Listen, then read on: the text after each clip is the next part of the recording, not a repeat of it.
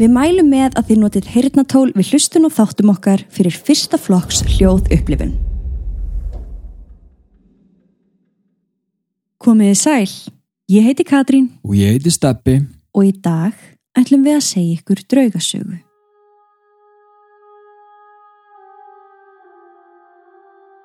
The Seaford Poltergeist var ásókt sem herjaði á fjölskyldu í Seaford Long Island, New York árið 1958.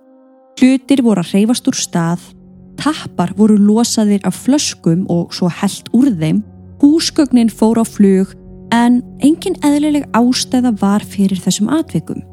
Paranormal rannsækjandur og aðrir sérfræðingar voru fullvissir um að allt þetta tengdist 12 ára gömlum dreng sem að bjóða þarna á heimilinu.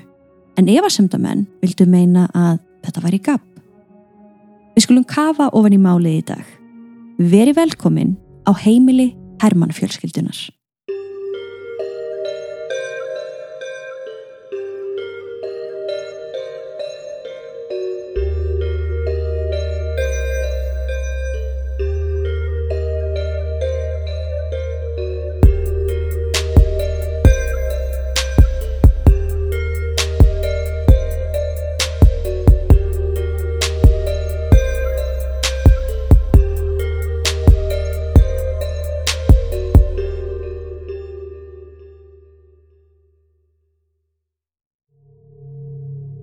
Við viljum minna á að draugasögurnar okkar eru ekki við hæfi barna nema með leifi fullorðina. Og með því hefjum við sögu dagsins.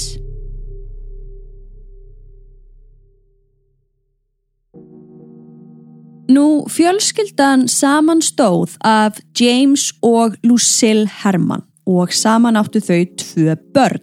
Já, þau Lucille sem er greinilega skýrði höfuð móðu sinnar. Svo við skulum bara kalla hana Lucille og mömmuna bara Mrs. Herman. Ok. En hún var 13 ára gömul. Og svo er það með James. Akkurat, skýrður í höfuðið á pappanum. Já, en við skulum kalla hann James Jr. Hann var 12 ára. Ok, þannig við erum með James, James Jr., Mrs. Herman og Lucille. Já. Thank you.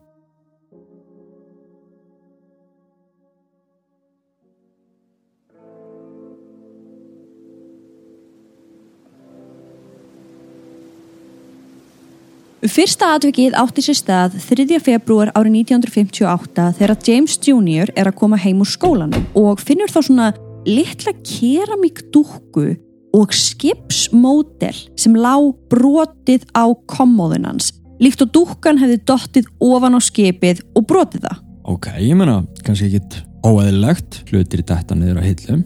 Já, kannski ekkit óðurlegt svona fyrir okkur sem eigum fjögur börn og hlutinir eru aldrei á sama stað Rétt. en hann allavega, hann veit að þetta var ekki svona þegar hann fór. Nei. Sama dag tekur frú Herman eftir því að vikt vatn sem hún geimdi á náttborðinu sínu í flösku hafi söllast yfir allt gólfið sem var mjög skrítið vegna þess að flaskan var ávalt kyrfilega lokuð. Næstu tíu daga heldur flöskur áfram að detta á gólfið svo að heldist úr þeim. Við erum að tala um meðöl, sjampó, vín, reynlætisfurur, ilmött, blek og þess áttar. Já, og ég ætla aðeins að stoppa því að ég veit að poltergeistmál, þau eru yfirleitt mjög viðkvæm og þau eru flókin og yfirleitt þá titlast þau sem var þetta ekki bara gabb. Mm En það sem er svolítið aðteglisvert í þessari sögu er hversu margir koma að þessu. Algjörlega. Á tíunda degi, þann 13. februar, varð ásóknin örlíti kraftmeri því þá fóru aðrir munir að reyfast, dett úr hillum og skemmast. Fyrst voru það bara flöskurnar, núna voru fleiri hlutir komnir inn. eins og postulinstúkur, lampar, náttborð fór á hlið, kommóðan, skrippborðið, bókaskápnum var meiri svo snúið á kvolf. síðan voru það hljóðin. Og fjölskyldan lísti í þannig að það var alltaf eins og veggirnir væru að fara að skreppa saman einhvern veginn og kremja þau inni. Ásóknin var orðin svo mikil að í fjögur skipti þá flúði fjölskyldan út í skjóli næturs og svaf hjá vinafólki á meðan þau mönuðu sig að fara aftur heim til sín.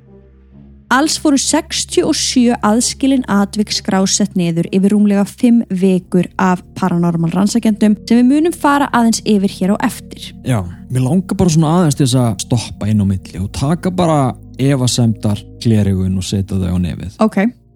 Fjármánu fjölskylda, Hm. Herðu, það er bara fullt af flöskum að detta og sullast og fljúa og megum við krassa hjá ykkur í kvöld við vitum ekki hvað er í gangi það geta allir sagt þetta Já. uh, ok, cuckoo heads Nei, Stefi, þetta er bara svo mikið vesen. að Af- húrra Já. fjara manna fjölskyld ég veit Þú það, nennir, og fyrir hvað?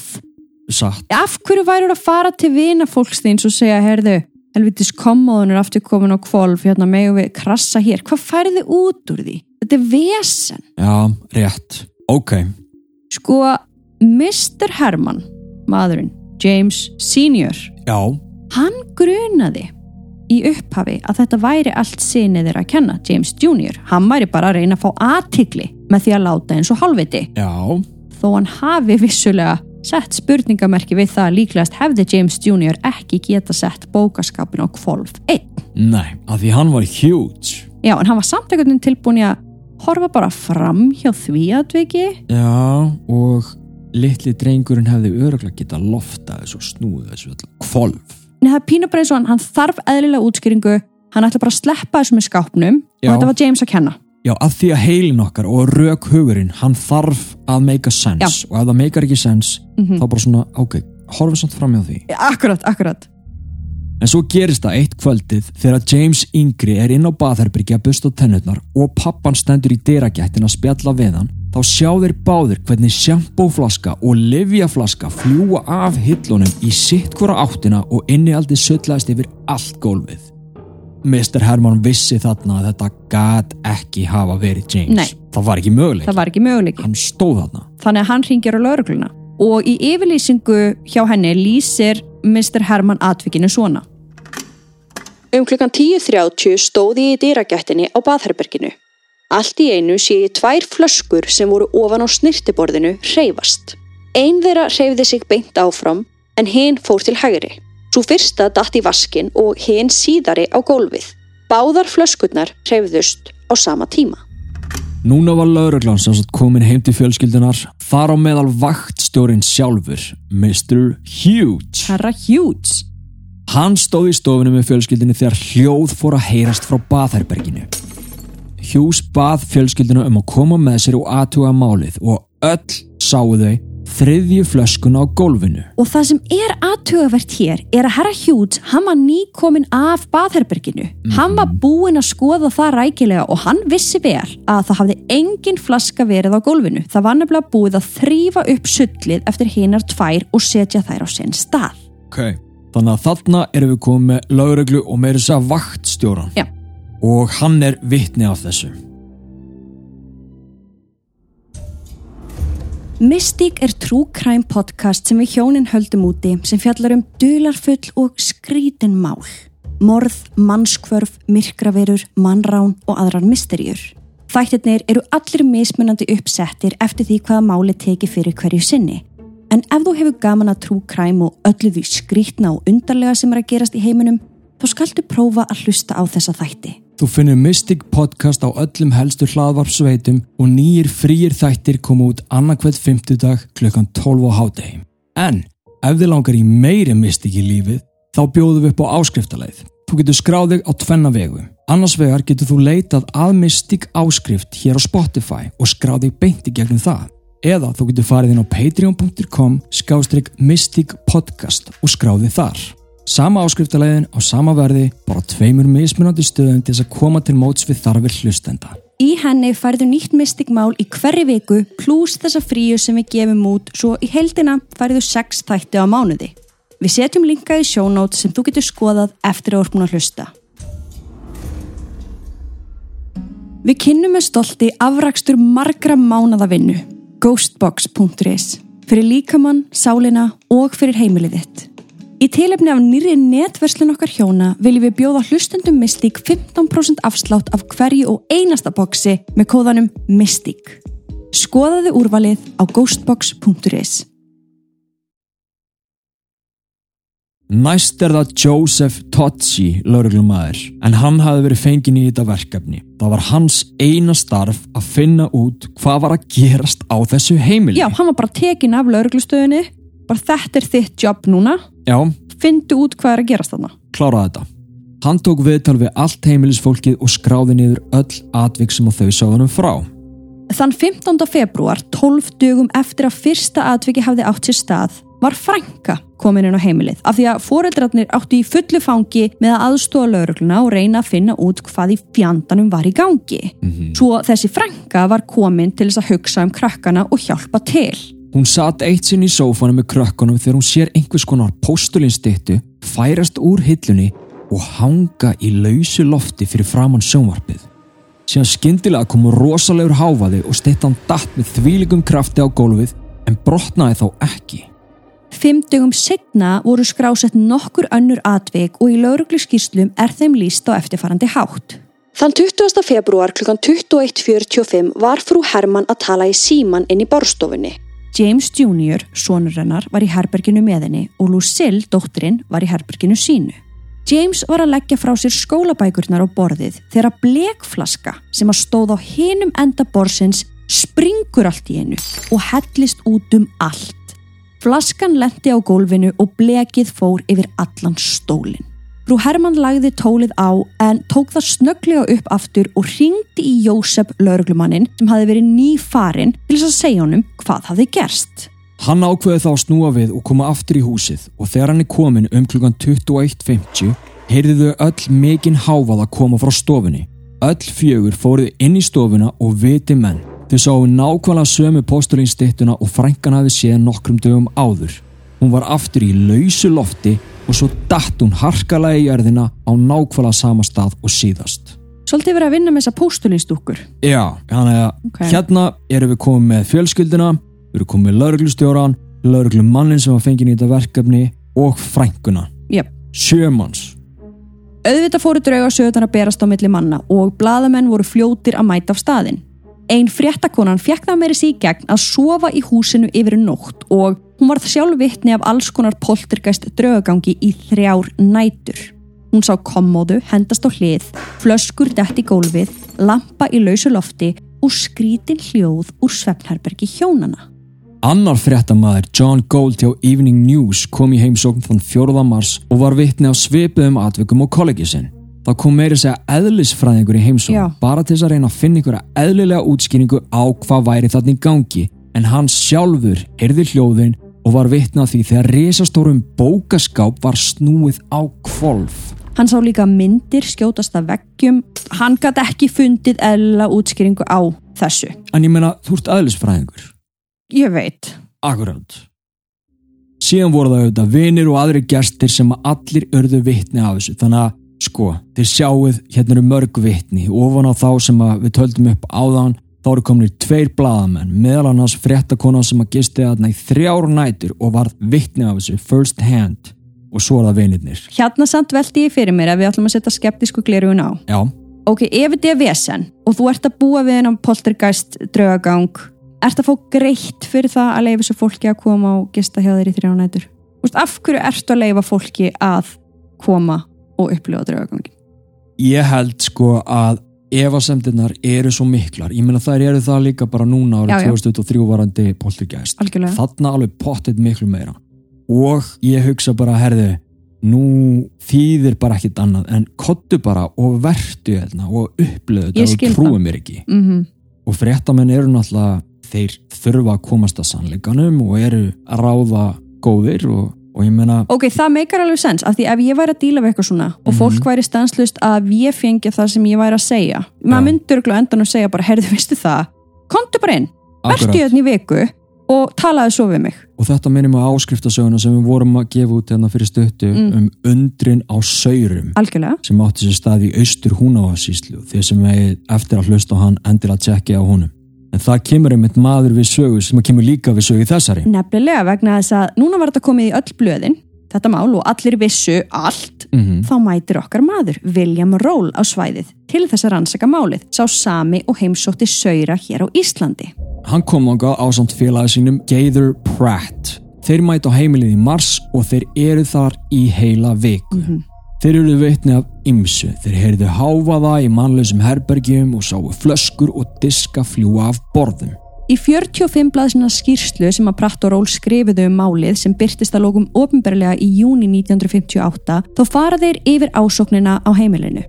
Þeir höfðu skrásett ítarlega öll atvik og flokkaðu á samt því að skrá niður vittnesburði. Og það sem þeir eru að reyna að gera hér samhliða er að útiloka eðlilegar ástæður. sem á alltaf að gera. Það var til dæmis allt rafmagt skoðað. Hvort það var einhver galli þar það var lokað fyrir skorsteinin til aðtuga hvort að vindur þaðan var að búa til einhver hljóð en það breytti engu, lætin heldu áfram. Það var meira svo að tala við jarðfræðinga þetta er bara það nákvæmlega sama að vera að gerast á saurum það voru fengir jarðfræðingar og það var skoða rafmagn og allt svo leiðis og jarðvegurinn þarna undir húsinu, hann var líka metin um það hvort að það væri kannski meira vatn undir húsinu en áður en það virtist ekki vera. Engin breyting hafði verið senustu fimm árin í þeim málum. Þeir miðuðu líka hvenar flugvílar fluguðan yfir, hvort að þessar trublanir væru engungu að eiga sér stað þegar það var að gerast en það hjælt ekki vatni. Þið sjáuð þeir eru raunverulega að reyna að finna allar eðrilegar útskýringar á því af hverju þetta er að gerast. Bara vel gert. En fyrst að þeir fundu engar, þá var það næsta pæling. Gæti þetta allt hafa verið sett á svið af einhverjum í fjölskyldunni? Pratt og Dr. Roll veldu þessu aðeins fyrir sér og þeir sögðu að vissulega gæti eitthvað af þessu verið feik. Hugsanlega gætu James og Lucille verið að gera lætin sjálf í þau skipti sem þau voru bara tvö eða annarkvort þeirra sem var vitni af drauganginum. Akkurat, en það var erfiðara þegar þriðja vitnið, jafnvel fjórða og fymta kom inn í aðstæður. Mm Eða þegar James Jr. eða Lucille, mammans, voru hvorug á staðnum. Já. Það vissu líka allir að foreldrar James Jr. ásamt lauruglunni og öðrum voru búin að grilla greiði drengin svo rosalega mikið. Af því að einstinni, ég held að allir, það vildu bara allir að þetta væri honum að kenna. Já. En hann stóð ávalt fastur á sínu. Hann var allsaklaus og í mörg skipti þá fór hann bara að gráta. Það Greið. er líka bara bann. Já. Pratt og Ról skoðuðu næst hvort að þetta gætu hafa verið einhvers konar töfrabröð. En James Jr. hafði aldrei sínt töfrum neitt áhuga og samkvæmt foreldrum hans og honum sjálfum þá kunna hann ekki að töfra. Já, svona sjónkverfingar. En aðri fór á móti og sögðu auðvitað geti strákurinn alveg hafa lært að galdra þegar hann var einn á þess að segja nokkur frá Já, já, og síðan var rætt hversu auðvelt að væri að búi til sprengju sem að letu blekkrukkur springa. akkurat. dæmis. Þannig að þú veist, hér er bara búið að diskutera fram og tilbaka og engin eðlileg skýring er komin í málið. Pratt og Ról skrifa þessa grein og svona rétt í lokin þá hvetja þeir fjölskylduna til þess að fara í legapróf. Ekki vegna þess að þeir trúðu þeim ekki, heldur vegna þess að það leti vel út fyrir þau út á við og bara fyrir rannsóknina sjálfa. Fjölskyldan hins vegar hafnaði þeirri hugmynd á þeim forsöndum að þau vildu ekki að börnin sín færu í svoleiðis. Og ég skilða upp að vissu marki. Já, ég líka. Ég skilða upp að vissu marki. En þannig Dr. Óle eiginlega bara segja, herrið, þetta er svona PR-mál. Þú verður aðeins að, þú veist, sína eitthvað svona. Já og líka bara vegna þess að það myndi styrkja hans rannsókn, hans Já, skýrslu, já. Já. Að geta sagt fjölskyldan er búin að fara í legapróf. Mhm. Hún stóðst það. Og ég var þarna í heila viku og Já. skrásið þetta. En það að þau neyti, það er svona pínu iffi. Já.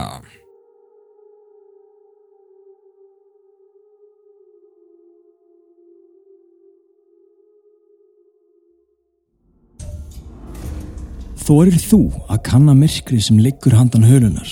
Ertu forvitin um það yfirnáttúrulega? Komdu þó með okkur í leiðangur þar sem við ferðumstu myrkustu horn heims.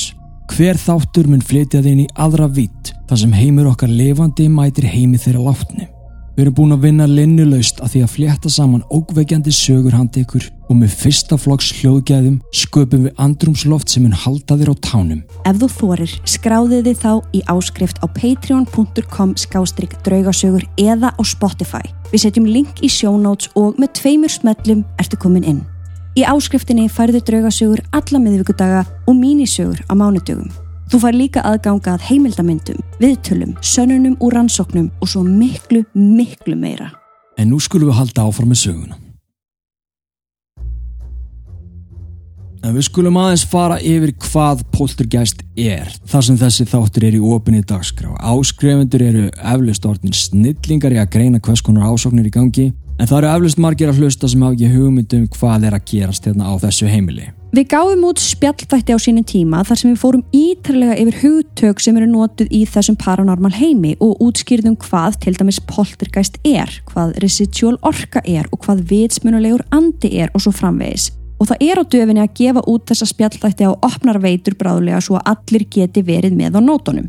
En í stuttumáli er poltergeist orka sem við getum ekki séð. Hugtækið poltergeist er komið úr þýsku. Þetta eru tvö þýsk orð sett saman. Orðin poltern þýðir hávær og orðið gæst þýðir andi. Svo með öðrum orðum þá er þetta hávær draugur eða andi. Eða æsla draugur. Æsla draugur hitt þetta hérna í gamla daga. Við þekkjum poltergeist úr klassískum draugamyndum en þrátt fyrir að þessi reymleiki sé vinsæll í kvikmyndum þá er hann mjög sjaldgæfur, takk ég eftir, mjög sjaldgæfur í hinnum raunverulega heimi.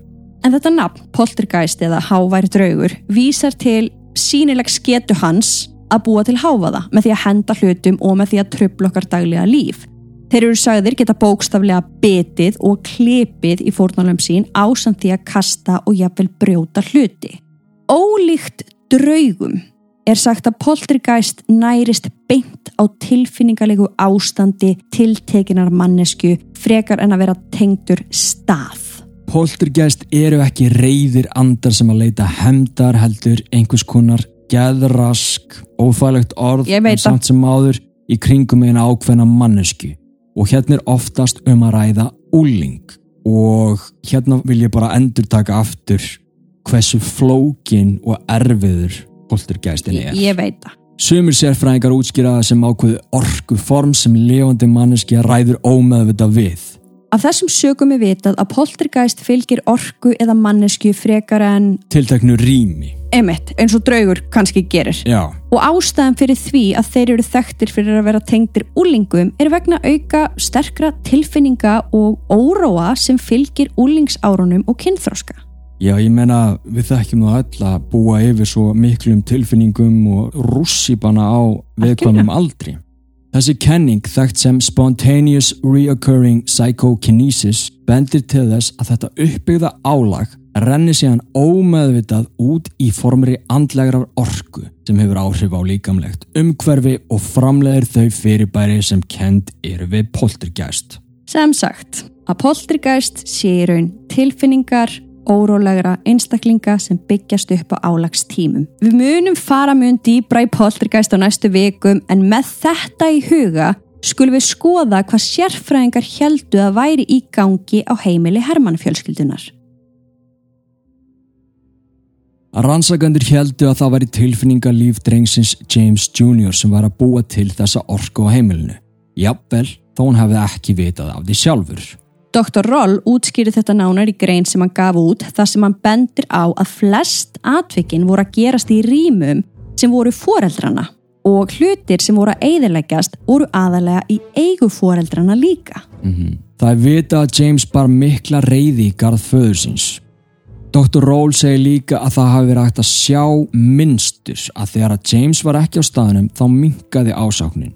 En þegar hann var heima þá jógst hún og það er einmitt svona eitt af fyrstu verkefnunum. Ef maður er með gruna poltergeist þá er það að fjarlæga fólk út af heimilinu. Já, einn í einu sko Einn í einu. og sjá hvað gerist. Mm En ég fór aðeins lengra steppi. Já, Hérna, þegar hingaði komið úr sögu, þá kemur inn í málið svona frægur galdrakalli, eða svona töframaður. ok. Hann hétt Milbon Kristoffer og hann bauðst til þess að koma og hjálpa fjölskyldunni. Þá bara kanna hvort það var einhver bröðutabli. Já, af því hann bara kunni alls konar brögð Trygg svo eitthvað. og hann vildi bara koma, ég meina vil ég ekki bara að ég útilokki þetta. Já, En honum var vísað á dyr af herra Hermann sem að vildi ekki fá neina galdramenn heim til sín. mm. Og aftur var þá þrýst á legaprófið sem hann neitaði enn og aftur. Og eftir þetta þá varð Kristoffer skeptiskur.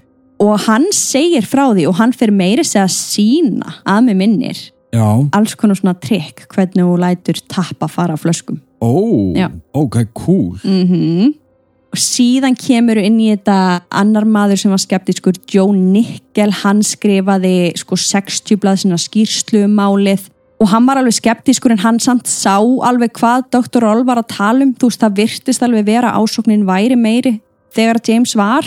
Já, ok, þú veist þannig að hann var kannski ekki endilega að dissa þetta.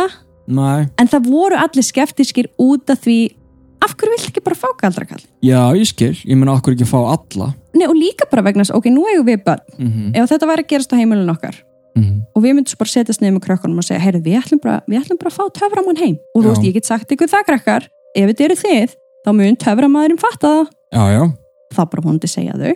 Akkurat. En ég meina, ef þú segir ekki neitt Já, æ, fattur hvað ég er að ég, fara? Ég skil svona, við. ég skil ekki alveg af hverju þau neyta þessu að því hann er að bjóða bladamönnum og hinum og þessum en svo kemur þessi töframæður og hann má ekki koma. Já, ég veit, en er það þá kannski ekki bara when enough is enough? Ég skil það, þegar að, þú veist, það er búið að koma blaðamaður og gista í þrjá daga viku Já, eða já. eitthvað. Og jarðfræðingar eru búin að koma og eðlisfræðingar lauruglufólk, ertu þá ekki bara töframann? Ok, Bara, fair get. Get the fuck out of here. Fair enough, ég skil hvernig það hljómar. Bara ok, hvernig ætlið er næsta að fá ynga ég skil, þetta er bara komið gott. Já. ok, ég fatta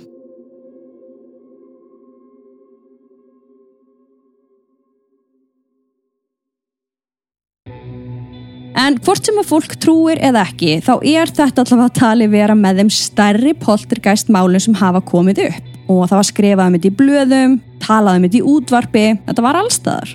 Eftir fimm vikur, þá hætti þetta Mhm. og meira veitum við ekki Og það er svo oft þannig með poltergeist. Það er í gangi, það getur verið í mörg ár, getur Mhm. Já. verið í nokkra daga, nokkra vikur og svo bara Mhm. allt í einu. Þá er það bara búið Það var að og búið. yfirleitt er það mjög stuttur tími eða mitt, já, fimm vikur mm, kannski þrjár vikur Já. það er svona eðlilegast en þetta er alveg svo á saurum það er bara brjálulæti, blaðamenn sitja um hérna greið Mhm. fjölskylduna vikum saman hérna fyrir utan bóndabæin á Norðurlandi Mhm. og svo er bara fyllir í svesen á þessum blaðamennum þeir eru bara hangað hérna fyrir utan og, og drakka Það máli. þannig að kannski það líka bara málið Oh. en svo bara hætti þetta Já. eða þá að fólk segir bara no comment, við viljum ekki tala meir Við vitum það ekki og ég held að við fáum aldrei að vita hvort þetta hafi verið alvöru eða hvort þetta hafi allt saman verið gabb.